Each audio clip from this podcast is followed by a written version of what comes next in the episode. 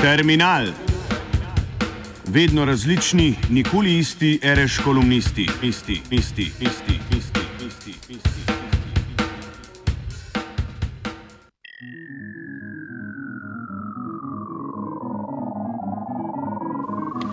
Terminal iz karantene. Nameravala sem pisati o bankah. Toda v teh čudnih časih mislim, da banke nikogar prav posebno ne zanimajo. Zato bom to temo pustila za boljše čase.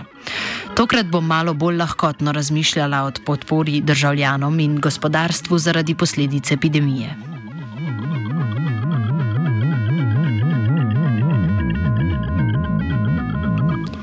Še dobro, da imamo vlado s polnimi pooblastili. Si lahko predstavljate ukrepanje vlade, ki opravlja tekoče posle? Verjetno bi imeli več kot z epidemijo samo opraviti s polemiko o tem, kaj sme in česa ne sme početi vlada, ki opravlja tekoče posle.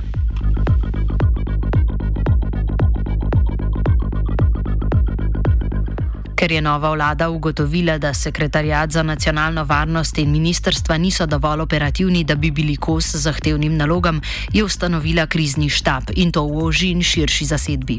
Ta oblikuje konkretne ukrepe za zajezitev širjenja virusa in vnaprejšnjo medsebojno koordinacijo. Imenovan je bil tudi uradni govorec štaba, ki pa naloge informiranja javnosti v zvezi z ukrepanjem vlade očitno ni prevzel v celoti. Tudi kadar opravlja svojo nalogo, ni tako prepričljiv, kot ga imamo v spominu izpred 30 let. Ali je temu kriva moja ali njegova starost, ne vem, ampak deluje mi, kot bi bil iz črno-belih časov, kot bi dejal moj vnuk. V trenutku, ko tole pišem, je vlada že razpustila krizni štab, njegove naloge pa so prevzela ministerstva. Očitno so se na ministerstvih ustrezno postrojili in tako postali spet dovolj operativni. Glavni govorec kriznega štaba bo odslej postal glavni govorec vlade na temo epidemije, zakaj to ni direktor urada za informiranje, nam ni znano.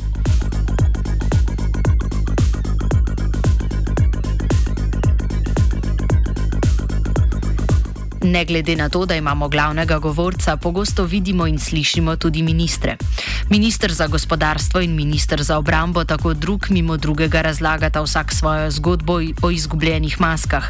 Še dobro, da medtem Čeferin priskrbi dve izdatni donaciji zaščitne opreme. Dobro je tudi, da imamo samo inicijativne podjetnike, ki se lotijo izdelave zaščitnih mask, saj očitno državne nabave pod okriljem gospodarskega ministra niso uspešne. Upamo lahko, da se bo stvar izboljšala izboljšala z ustanovitvijo medresorske skupine za sprejem, pregled in vrednotenje ponudb zaščitne opreme, kar bi lahko razumeli tudi kot klofuto gospodarskemu ministru.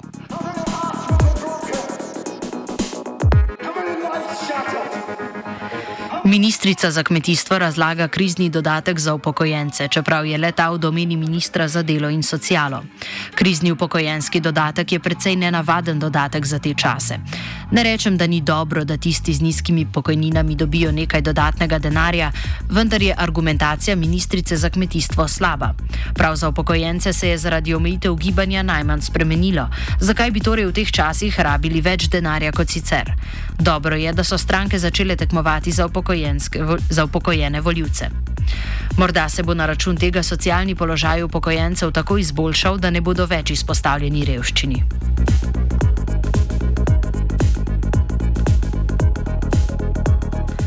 Notranji minister nas občasno ustraši z napovedjo ostrejših ukrepov, ki prihajajo, pa se potem k sreči izkaže, da jih ne bo, ker smo očitno kar precej pridni pri izvajanju obstoječih, saj smo po naravi precej ubogljiv narod.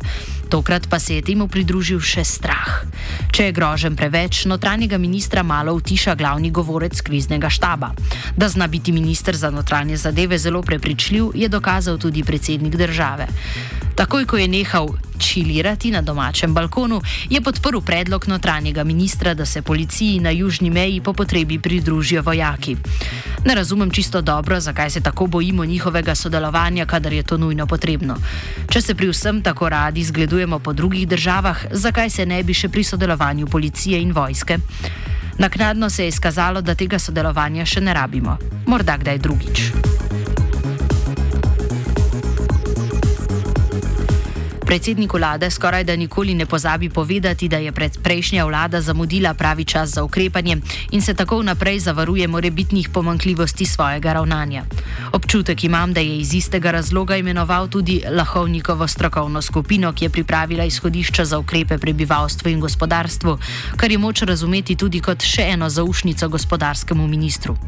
V omenjeni skupini so poleg, so poleg gospodarstvenikov tudi znani univerzitetni profesori, nekateri med njimi tudi nekdani bolj ali manj uspešni ministri levih in desnih vlad in nekateri, ki so jim pogosto ponujali ministrovanja ali guvernerstvo, a so ta vabila vedno zavrnili in raje nastopali v svetovalski vlogi. Skratka, ljudje, ki se spoznajo na stvari in o tem učijo bodoče predsednike vlade in ministre. Kot so povedali na torkovi tiskovni konferenci, so med vikendom pripravili predlog in pri tem pregledali tudi predloge sindikatov, gospodarske zbornice, obrtne zbornice in še koga ter pripravili izbor, ki naj bi bil optimalen, a ne dokončen, saj drugi paket še sledi. Pohvalno je, da so to počeli brez plačila.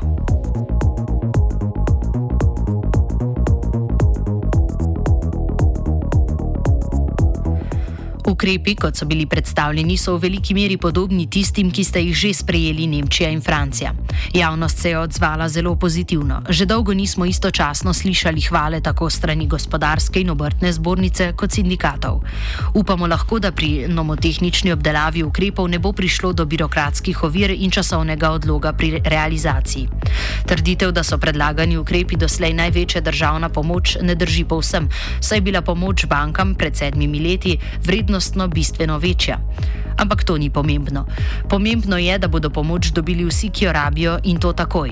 Pomembno je, da finančni minister ne poteguje ročne zavore, česar tudi še nismo doživeli, in da je Evropska komisija pripravljena na uveljavitev izjem pri uresničevanju fiskalnega pravila. In sedaj je pomembno predvsem to, da se pripravi razumljiv in jasen zakon, ki se bo lahko takoj začel izvajati. Politična volja je. Pravni strokovnjaki bodo že našli najkrajšo pot do njegove uveljavitve, čeprav se glede tega verjetno ne bodo čisto poenotili.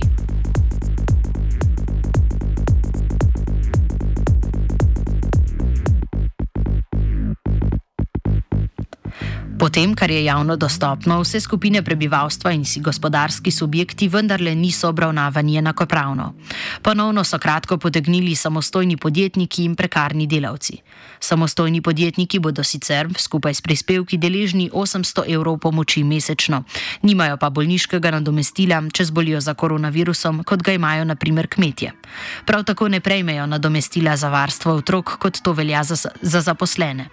Za prekarne delavce, ki so izgubili priložnost na dela, trenutno ni na voljo nič razen socialne pomoči in seveda humanitarne organizacije in humanitarni delavci.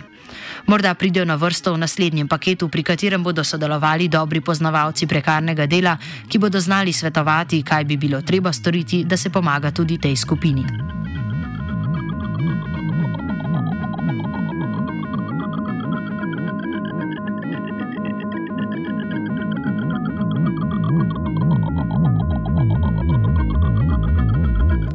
Ostanimo zdravi. Terminal je pripravila Helena Kamnar.